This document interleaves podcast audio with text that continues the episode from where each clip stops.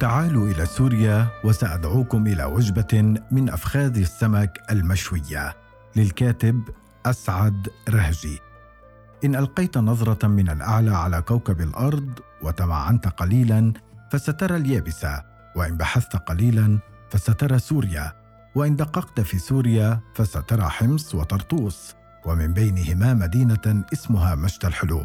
بعد مشتى الحلو بسبعة كيلومترات إلى الأعلى سترى قرية صغيرة لم يسبع بها أحد من قبل اسمها بقطو في منتصفها دير على يمين الدير بقعة خضراء صغيرة ويتمدد عليها شخص هذا أنا.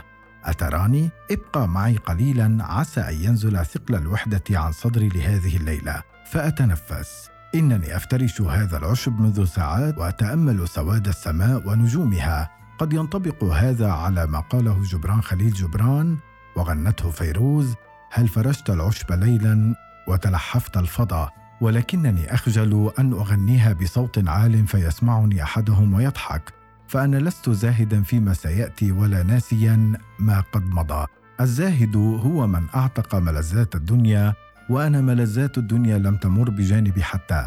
إضافة إلى أنني متيقن أنه لن يأتي شيء كي أزهد به وإن أتى فساتمسك به بيدي وقدمي وبالنسبة لما مضى فالألم لا ينسى ولو بعد ألف عام. أستلقي هنا على هذا العشب أتأمل النجوم أتأمل كيف أنني لن أستطيع الإمساك بها أو حتى الاقتراب منها. تماما كاصدقائي الذين عرفتهم شخصيا في الأيام القديمة إضافة إلى اصدقائي الذين لم ألتقي بهم يوما ولن ألتقي بهم يوما. منذ عام 2011 أي في بداية الحرب الأهلية في سوريا بدأ أصدقائي بالمغادرة واحدا يلي الآخر. ولدى وداعهم كنت أختم كلامي بكلمة إلى اللقاء مع أنني أعرف مسبقا أن احتمال لقائنا مرة أخرى شبه معدوم. ولكن تلك الكلمة كانت تبعث بقدر ضئيل من الطمأنينة. عام 2016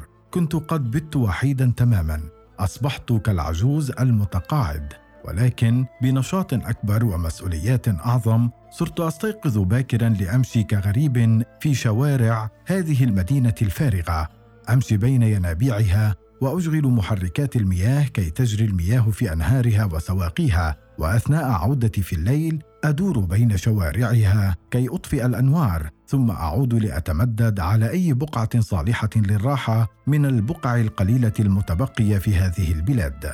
أبدأ بمراسلة أصدقائي كي أطمئن عليهم إذ باتت وسائل التواصل الاجتماعي هي الوحيدة التي أستخدمها للتواصل. لم أعد أتواصل مع أحد خارجها إلا في الضرورات القصوى فحتى الباقون هنا ينتظرون دورهم في الهجرة وأخاف أن أتعلق بأحدهم ويغادر فيفطر قلبي مجددا.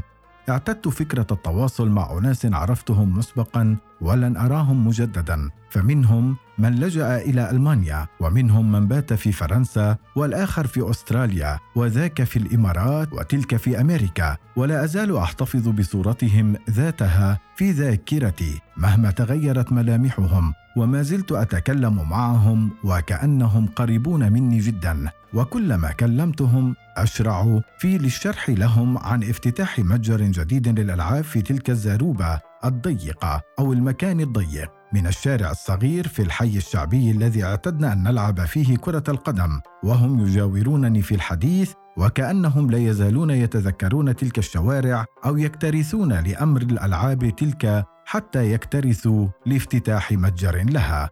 ولطالما أخفيت عنهم أمر تلك الزواريب الضيقة قد هدمت والحي بأكمله تغيرت ملامحه تماما. لكن ما لم أظن انني ساعتاده حقا هو أن يصبح لدي أصدقاء لم أرهم شخصيا ولا حتى ليوم واحد في حياتي وهذا ما حدث حقا. فقد جمعتني الصدف والاهتمامات بأصدقاء لم أعرفهم سابقا مع أن بعضهم من نفس المدينة بل بضعهم من نفس الحي الذي أقطن فيه ولم يسبق أن ألتقي بهم ولا أظن أنني سألتقي بهم يوما. نتحدث يوميا وكأننا أعز الأصدقاء وكأننا مشينا يوما معا في شوارع هذه المدينة وحين تصيبني نوبات الاكتئاب تلك لا يكفون عن دعمي والتواصل معي. وبعضهم تعدى دعمه المعنوي إلى أن أصبح ماديا في بعض الأحيان. وحين تواجههم المشكلات يلجؤون إلي وكأنني خبير لوجستيات معتمد من جميع مؤسسات العالم. نمازح بعضنا بعضا يوميا بنكات مثل تعال إلى ألمانيا وسأدعوك إلى كأس من البيره الباردة أو تعال إلى أمريكا وسأحضر لك وجبة هابي ميل وأنا أجيب تعالوا إلى سوريا وسأدعوكم إلى وجبة من أفخاذ السمك المشوية. فعودتهم إلى سوريا أو ذهابي إلى الخارج هو أمر خيالي تماما كأفخاذ السمك. ثم نعاتب بعضنا بعضا لأننا لم نلتقي قبل وباء الهجرة ذاك الذي أصاب شعبنا وبعد ذلك أغلق المحادثة وأكتم دموعي التي كادت أن تنهمر شوقا لمن لم ألتقي بهم يوما. لا أعلم ماهيه هذه الحياة التي نعيشها.